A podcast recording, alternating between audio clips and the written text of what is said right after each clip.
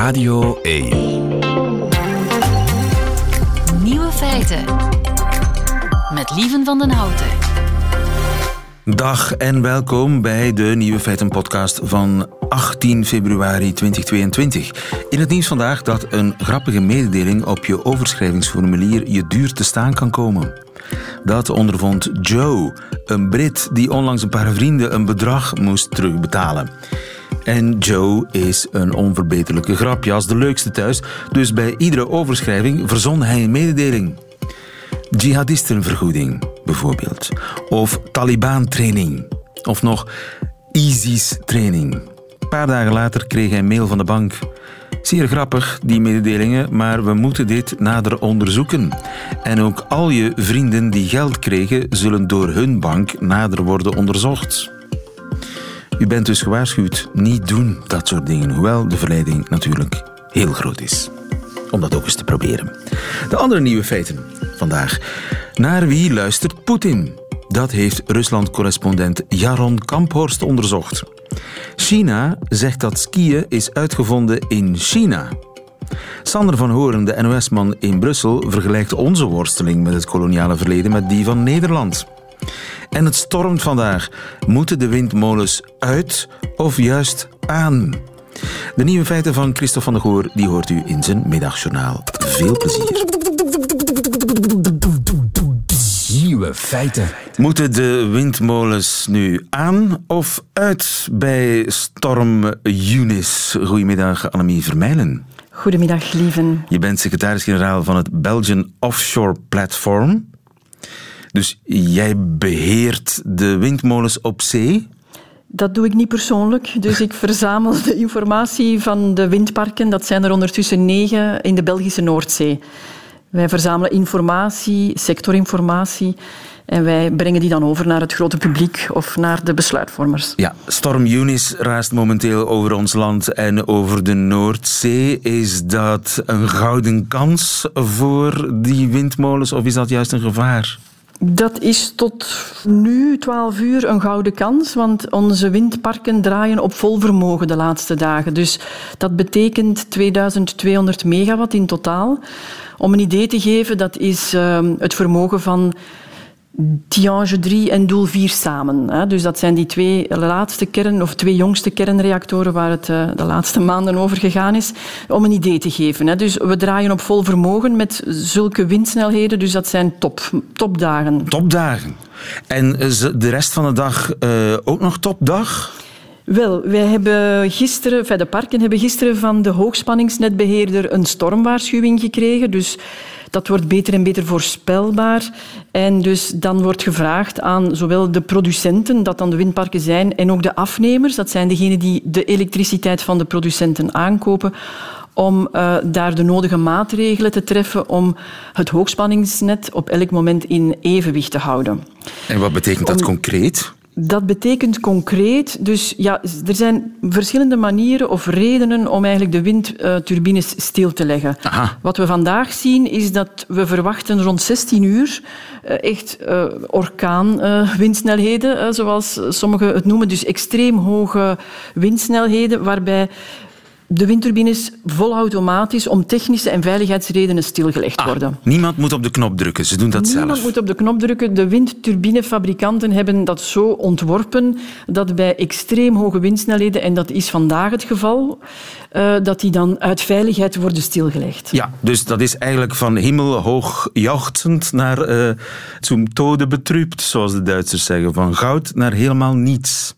Dat klopt. Maar het goede nieuws is dat dat maar voor een heel beperkt tijdstip is. We, spreken, we verwachten hier een uur. Tussen 15.30 uur en 16.30 uur deze namiddag verwachten we dat alle windturbines, en dat zijn er 399 in de Belgische Noordzee, dat die dan stil, volledig stil liggen. Oei. Gedurende een uur. Dat... Maar dan zien we dat tegen 17 uur, nauwelijks een half uur of een uur later, alweer terug op 50% van het vermogen kan geproduceerd worden. Dus dan spreken we over 1100 megawatt die dan terug zal produceren. En tegen vanavond zal het weer 2200 megawatt volledige productie zijn. Maar dat is dus een geweldige schok op het elektriciteitsnet.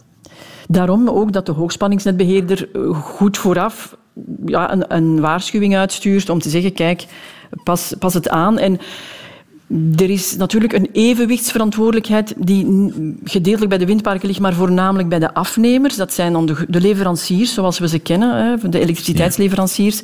En die hebben uiteraard ook nog reservecapaciteit in hun portfolio.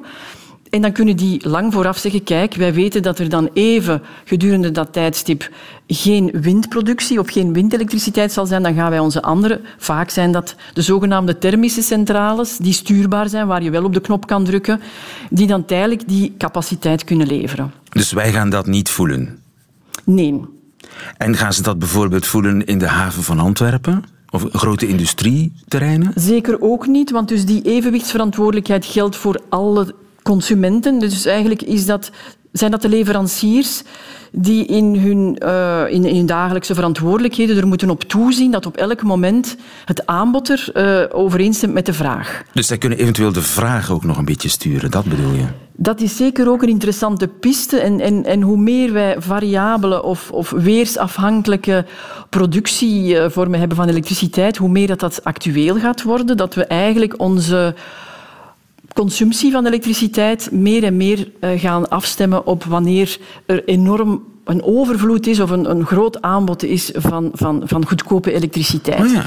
We zien dat nu al, dat mensen, dus dat gaat in die richting, dat je in tegenstelling tot vroeger, waar we uh, gemotiveerd werden door interessante tarieven om s'nachts de machines te laten draaien, gaan we nu meer en meer, dat is aan zon, dat is natuurlijk buiten onze, onze activiteit, maar dat is ook een hernieuwbare en weersafhankelijke bron, gaan meer en meer mensen aangemoedigd worden door lagere interessante tarieven om dat overdag te doen. Ja, dus het zou kunnen dat vandaag bepaalde grote afnemers van stroom, industriële afnemers van stroom, het bericht krijgen van jongens, uh, kunnen jullie vandaag even niet of eh, vandaag even de machines afzetten van dan tot dan, want dan. Uh, ja, bijvoorbeeld een uur. Ja. Ah, ja. En, en, daar is een, een, ter illustratie een voorbeeld. Bijvoorbeeld grote diepvriesfirma's. In, in West-Vlaanderen zijn er heel wat. Of, of grote uh, logistieke ketens die. Uh, daar is het geen ramp om een uur elektriciteit te moeten missen, omdat die nog wat kunnen verder gaan op, op, op, op de min 18 graden, zal ik nu maar zeggen. Ja. Dus er zijn zeker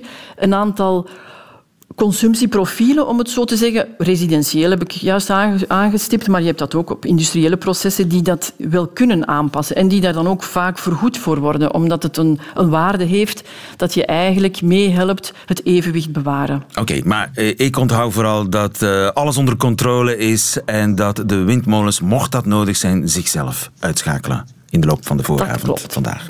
Annemie Vermeijlen, dankjewel. Goedemiddag. Graag gedaan. Nieuwe feiten.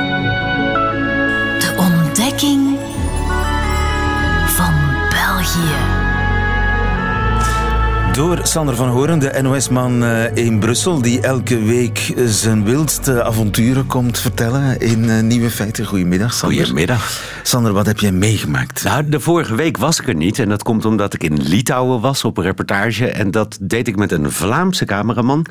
En dat, ik besefte op een gegeven moment dat ik waarschijnlijk vier jaar geleden echt geen woord begrepen had van wat hij zei. Oké, en maar nu, welke woorden vielen jou op? Nou ja, het is, het is, het, nou, het is meer het accent van uh, Mara Levent, weet je wel. Dat, dat, dat soort dingen. En dat je op een gegeven moment daarin meegaat. En dat je dan inderdaad bij het inspreken van een uh, tekst voor de Nederlandse televisie... enorm moet oppassen dat je dat soort dingen niet gaat meenemen. Je raakt besmet door het Vlaams. Ja. Oké, maar, maar je zit al intens te verlangen naar het examen Vlaams, begrijp ik? Nou ja, en doe dan vooral wat woorden over de kernuitstap. Want dat is toch iets waarvan ik dan weer terug in België denk van... oh nee, daar gaan we weer. En, de kernuitstap, ja. Ja, dat is echt... Ik bedoel, en ik heb het hier een paar weken geleden gehad over een fuik waar je met z'n allen inzwemt.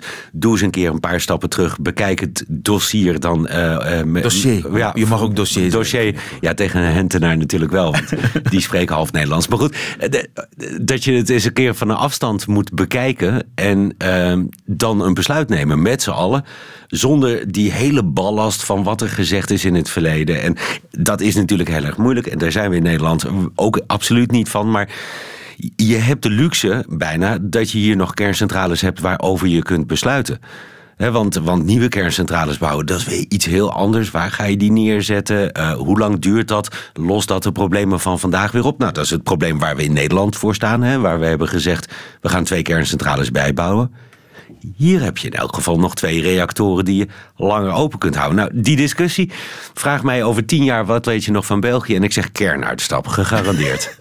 En niet het koloniale verleden. nou ja, toch ook wel. eh, maar Maar dat is wel een merkwaardig toeval dat zowel in België als in Nederland het koloniale verleden. Heb je het een beetje gevolgd wat er in Nederland gebeurd Ja, de, de, de zogeheten politionele acties net na de oorlog. waarmee 45, 49, ja. Nederland nogal op heftige wijze is tussengekomen in Indonesië. Nou ja, een onafhankelijkheidsoorlog. Heftige wijze. eh, er is in 1969 is er een onderzoek geweest. eh, en dat is eigenlijk het enige serieuze onderzoek tot nu toe. En eh, op basis van dat onderzoek was het van ja, er zijn inderdaad gruweldaden begaan, maar dat waren incidenten. En on the whole heeft het Nederlandse leger, de politiek, eh, de, de mensen daar hebben zich niet vreselijk misdragen. Nu is het verhaal helemaal anders. Ja, Ze nu hebben nog eens onderzocht. Nu tekent zich toch een beetje wat meer een Leopold II-achtig beeld af. Dus die, eigenlijk die, die, dat extreme geweld was systematisch. Systematisch en. Waar hebben we het dan over? Systematisch eh, eh, Eh, maar- maar- verkrachting? Ja, Mart- marteling, eh, standrechtelijke executies, ehm, niet of niet voldoende rekening houden met de mogelijkheid van burgerslachtoffers eh, bij bombardementen, dat soort dingen. Ja. En het heeft 70 jaar geduurd voor de Nederlandse... eh, Ja, en dan nog zie je dat dus inderdaad in dat rapport eh, van de commissie Dijsselbloem wordt gezegd: ehm, oké, dit is systematisch buitensporig geweld. Of dat oorlogsmisdaden zijn, is een politiek oordeel. En dan zie je dat Rutte, die ik daar gisteren over sprak, eh, onze eerste minister, dat die inderdaad diep door het stof gaat. En inderdaad eigenlijk dat hele rapport uit 1969 aan de kant zet, eh, want achterhaalt en veroudert. En dit is het, de nieuwe werkelijkheid. Hier gaan we mee leven. Dus ook opnieuw excuses namens de regering. Dus niet namens het kabinet, maar de regering, y compris de koning. En dat eh, is, is dus wat er in Nederland gebeurt met zo'n zo'n grote slag dan in dit geval. Maar ja, dat, dat zijn wel oorlogsmisdaden. Heeft hij niet in de mond willen nemen, dat woord. En dat vind ik dan wel weer dat zo'n geschiedenis moeilijk blijft. En dat zie je hier in België ook. Dat het, het gaat natuurlijk uiteindelijk na 70 jaar om woorden, om symboliek. En wat betekenen woorden? En eh, op het moment dat je het oorlogsmisdaden noemt, ja, dat heeft een hele andere context natuurlijk. Dus wat, wat betekent dat voor eventuele herstelbetalingen? Wat betekent dat voor jouw relatie met het land, in dit geval Indonesië tegenwoordig, waar het om gaat? En ik moest daar heel erg aan denken, omdat je een vergelijkbare discussie nog altijd hebt natuurlijk met de brief die de Belgische koning aan Congo geschreven heeft. En nu de discussie, oké, het is een brief, dat zijn woorden, het zijn mooie woorden, het zijn eh, tijdige woorden, het zijn eh, ter zake doende woorden. Maar op het moment dat je daar dan eindelijk eens een keer langs gaat, en dat gaat binnenkort gebeuren, zou je die woorden ook weer kunnen uitspreken. Gaat dat gebeuren? En wat betekent dat? En dan zie je dus dat die discussie de hele tijd, ja, de, de geschiedschrijving. Hoe we toch op elkaar lijken. Hè? Misschien is het omdat we allebei klein zijn. Kleine landen die ja, toch een beetje met angst in het hart fouten toegeven. Grote landen kunnen daar... Nou, misschien zit er nog iets anders bij. Wij zijn landen die onszelf graag tegenwoordig aan de goede kant van de geschiedenis zien staan. Staan ook in eh, de debatten in de Europese Unie aan dezelfde progressieve kant. eh, en, en, en spreken andere landen daar ook graag in Benelux-verband het nog het liefste op aan. Ja, en dan is het toch wel heel zwaar dat je een bladzijde hebt in je eigen geschiedenis. die eh, eigenlijk met de dag gitzwarter wordt. En die ook niet meer uit het boek te scheuren is. Ja, en dat is lastig voor zowel Noord als Zuid. En de worsteling is fantastisch. Ja, nee, je mag op een knopje drukken. Je praat gewoon door, dat weet je.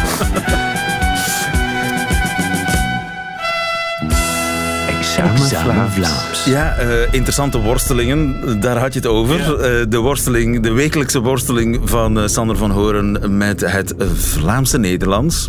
Ik leg jou pateetje voor. Dat is een klein patéetje. Voor op brood. Of voor bij eh, als voorgerechtje. Nee, Nee, oké. dat is paté. Ja, en een patéetje is een klein patéetje. denk Nee. Een klein bioscoopje. Ik vind jouw eh, eh, gokken heel interessant en zeer bemoedigend. En eh, be- eh, lovenswaardig, maar het, het slaat helemaal nergens op. Oké, goed zo. Een patéetje is een gebakje. Amai toch niet. Dat is een half punt erbij. ja, dankjewel. Maar alleen. Maar alleen, een patéetje, ja. Zullen we een patéetje gaan eten? Het kan ook overdrachtelijk gebruikt worden. Dat is een patéetje. Maar wat een- voor een- gebakje heb je het dan over? In algemene zin, maakt in niet uit wat. Een eclairken bijvoorbeeld. Een pateken. Een patéetje. Of een pateken. Gekapt. Omgehakt. Oh, nee, niet omgehakt. Gekapt. Ja, oké, het kan ook omgehakt zijn. Die boom is gekapt. Mm, Bij de kapper geweest zijn. Ja, hij is mooi ge- gekapt. Kan Ja. ook. Maar Ja. het is nog iets anders. Oké. Gekapt. Gekapt. Dan wil ik context. 250 gram gekapt. Oh, gesneden. Als in 250 gram afgesneden. Ook eh, eh, rund gekapt of varkens gekapt? Gehakt? Nee. Echt waar? Gekapt? En, waar welk deel van België zeggen ze dat? Gekapt, zeggen ze dat niet overal? Ik kijk even rond. Ik zie je technicus achter het glas. Ja, En techni- als ik liplezend, dan zie ik eh, alleen in Zuidwest-Oost-Vlaanderen. Nee, nee, nee. Hij, is, hij knikt ja en hij komt uit de Kempen. en Oh, ik kom, oké. ik kom uit Zuidoost-Vlaanderen. en eh, Gehakt. gehakt, gekapt. Half om half gekapt. Dat kan ook, ja. Oké. Volgens mij. Bon. Isomo. Grote ogen trekt hij. Isomo. Isomol. Geen idee, lieve. Nee. Nee, het is... eh, ja. Isomo. Isomol. Ja. Ja, je kunt het heel blij zeggen, maar dan nog weet ik het Op niet. het containerpark vraagt iemand waar kan ik de Isomo laten? Piepschuim? Ja! Oké. Oh, wauw, dat is goed. Ja. Het komt van, eh, het is een merknaam, hè?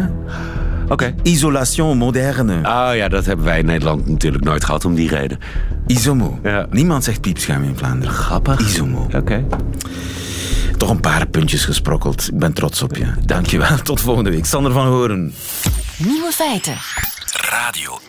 Waar is het skiën uitgevonden? In China, zeggen de Chinezen. Toevallig in de provincie waar de winterspelen bezig zijn. Maar klopt dat wel? Goedemiddag, Gilles Wijkmans. Goedemiddag. Van de redactie van eh, Nieuwe Feiten en zelf een soort tijger op de latten.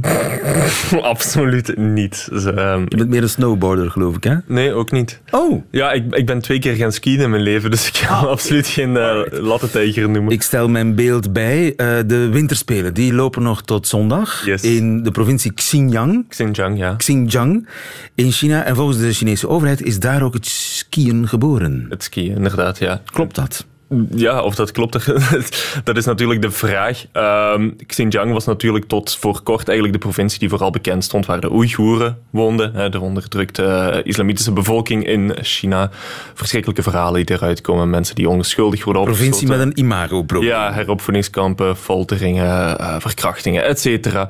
Maar de Chinese overheid wil graag dat die provincie nu bekend staat omwille van haar onschuldige sneeuw. Daarom dat ook bijvoorbeeld de Oeigoerse atlete Dinigir Yilamujang eh, het Olympisch vuur mocht aansteken.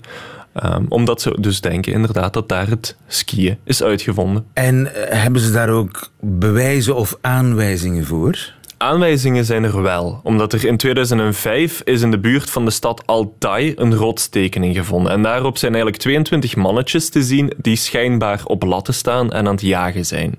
En volgens Chinese archeologen en de Chinese overheid zijn die tekeningen 10.000 jaar oud en is dat het oudste bewijs van skiën en zouden ze daarom dus de uitvinding van het skiën kunnen claimen. Dus 10.000 jaar geleden zou in die provincie Xinjiang ja, zijn er, zou, zou het skiën geboren zijn. In ieder geval, er zijn toen tekeningen gemaakt van skiers. Ja, inderdaad. Dat is toch te controleren? Ja, alleen is het niet echt 10.000 jaar geleden uh, gemaakt, die tekeningen. Want een team van Australische en Chinese archeologen die hebben in 2015 die tekeningen onderzocht en die hebben vastgesteld dat het inderdaad gaat om een boel mensen die aan het skiën zijn. Maar volgens hun schattingen zijn die tekeningen slechts tussen de 5250 jaar en 4000 jaar oud. Dus de helft. De helft, inderdaad. En dat is dan weer niet oud genoeg om de uitvinding van het skiën te kunnen claimen. Of ja. toch niet uh, onbetwist. Dus die competitie is nog uh, niet beslist, die is weer open. Mm -hmm. dus wie zijn de kanshebbers? De, de kanshebbers zijn um, waarschijnlijk ja, Noord-Europeanen of West-Russen. Um, ja, inderdaad. Want uh, de oudste wetenschappelijk erkende ski is gevonden in de jaren 60 in Noord-Rusland, ongeveer op een dag rijden van, uh, van Moskou. En die zou uh, uit het jaar 6000 voor Christus Aha. komen. Dus dat, dat is al ouder dan die uh, een Chinezen? Stuk, een stuk ouder. En dat is echt een officieel erkende ski. De, die is wel niet intact. Er is wel een intacte ski gevonden in Zweden. En die zou ongeveer 4500 jaar oud uh, zijn. Dus er zijn wel aanwijzingen dat in Noord-Europa het skiën er al eerder was. En een van de volkeren waar dat aan zou toegeschreven kunnen worden zijn de Sami, de inheemse bevolking van Scandinavië en uh, Noordwest-Rusland.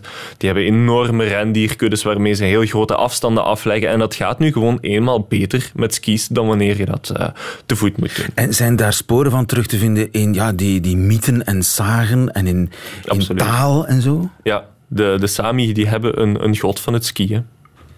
Okay. Die, die heet Skawi.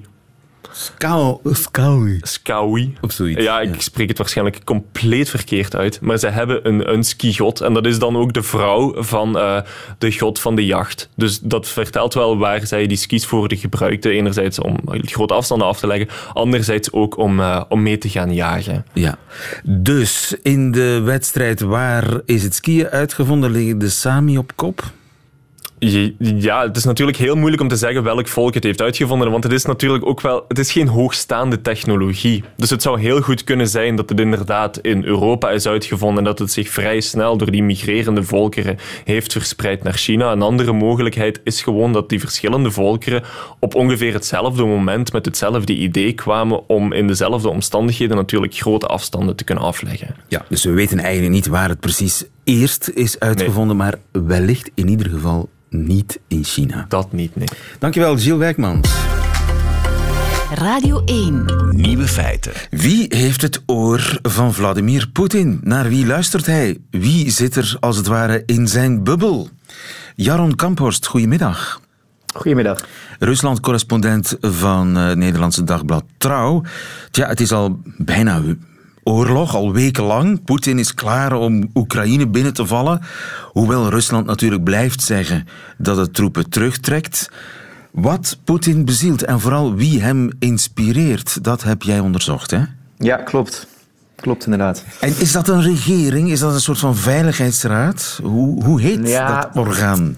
Het, kijk, het zijn niet echt hele um, officiële kanalen waar dit via gaat. Je hebt natuurlijk gewoon de normale Russische regering.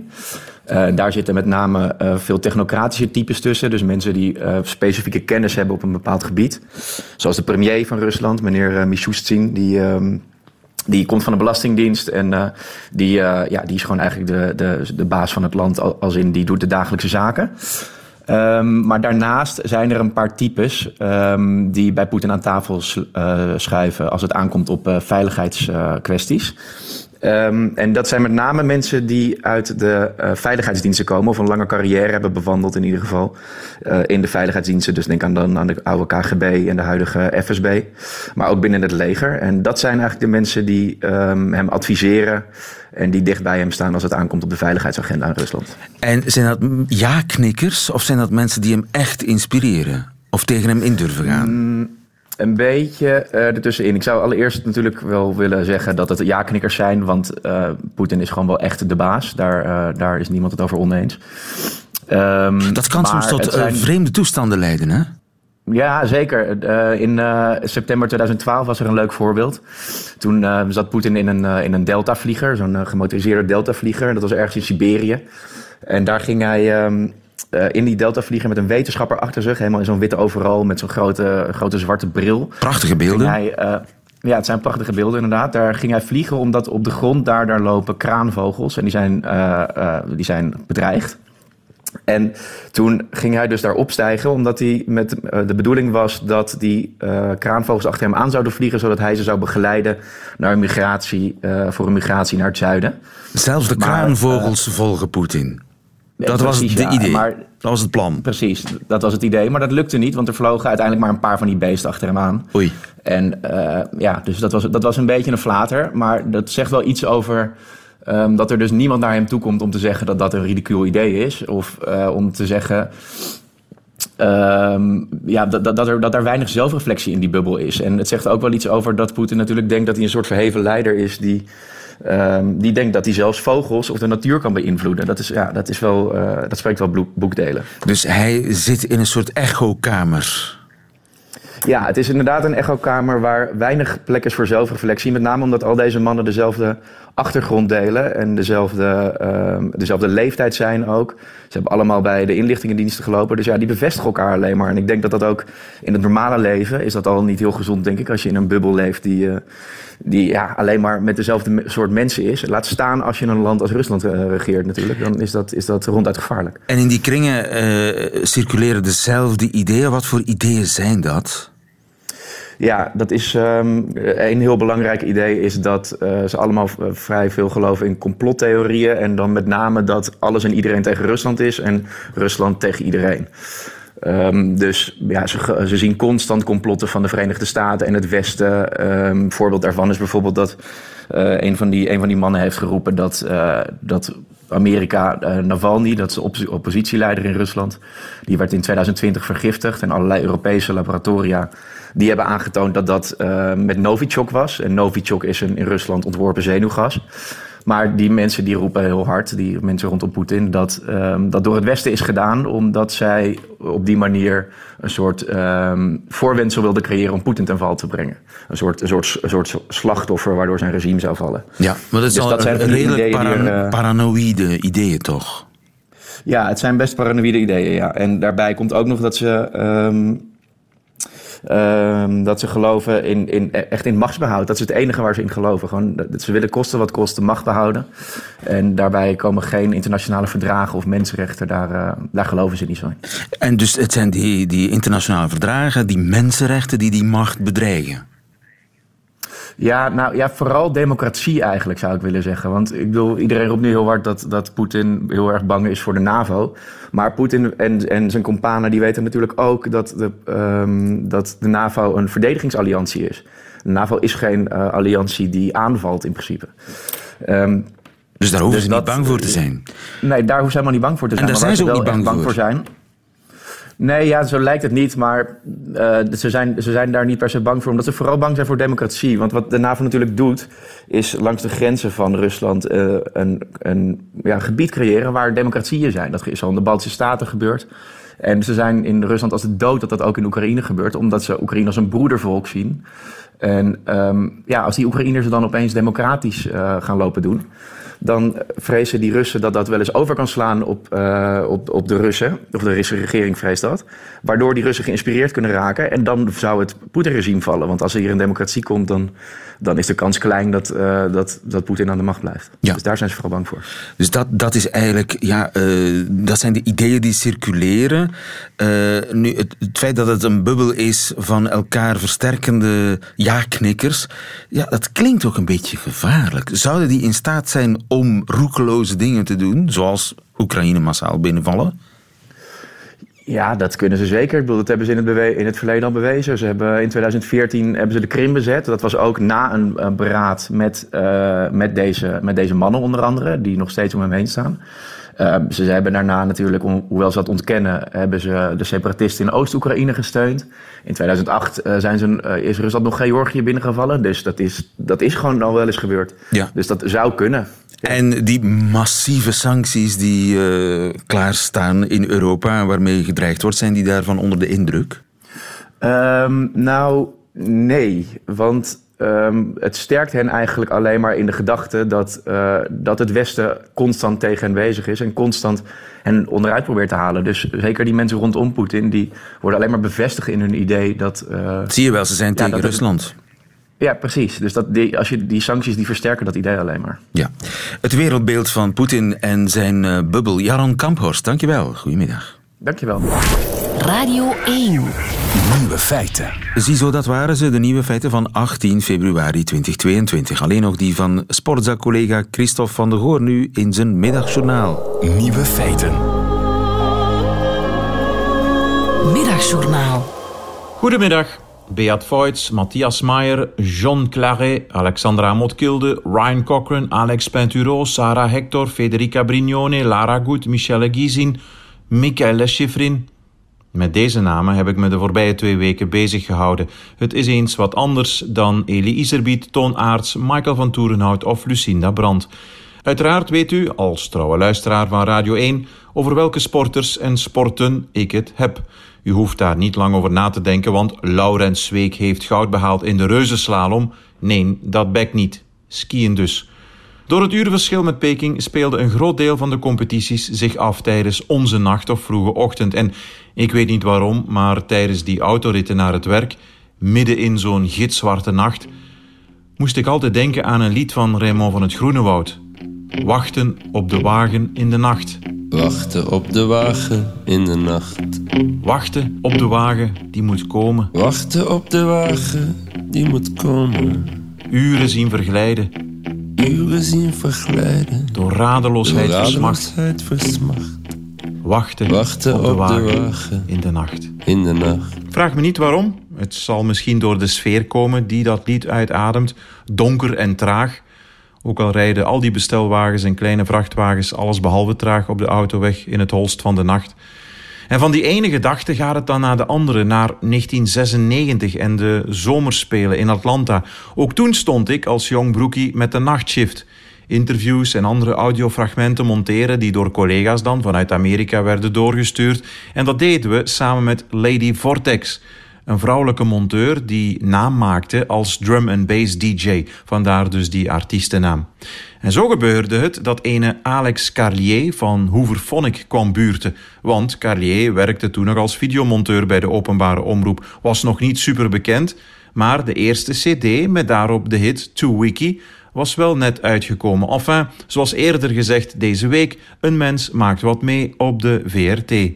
Maar om even terug te komen op die genoemde veldrijders van daarnet, een column moet nu eenmaal een begin en een einde hebben, is er nog iets anders dat nu al een week of drie sinds het WK veldrijden, kan u nog volgen, door mijn hoofd speelt en spookt. En dat is de naam voor een bandje, een muziekgroep dat nog moet worden opgericht, maar je weet maar nooit. Net voor het WK van de vrouwen op zaterdag liet ik presentator Ronald Verhagen weten dat ik via de app van Radio 1 naar zijn programma Classics aan het luisteren was. We hadden het over gekke, mooie en domme namen van muziekbands, enfin, een beetje heen en weer geleuter. En na het weekend en de wereldtitel van Tom Pitcock bij de mannen, mailtje van Ronald in de bus. De Pitcocks. Wat denk je daarvan? Bekt fantastisch. De Pitcocks. Als ik die naam binnenkort ergens bij een jonge garageband zie opduiken, wij waren eerst. Deze column geldt als bewijs. De Pitcocks.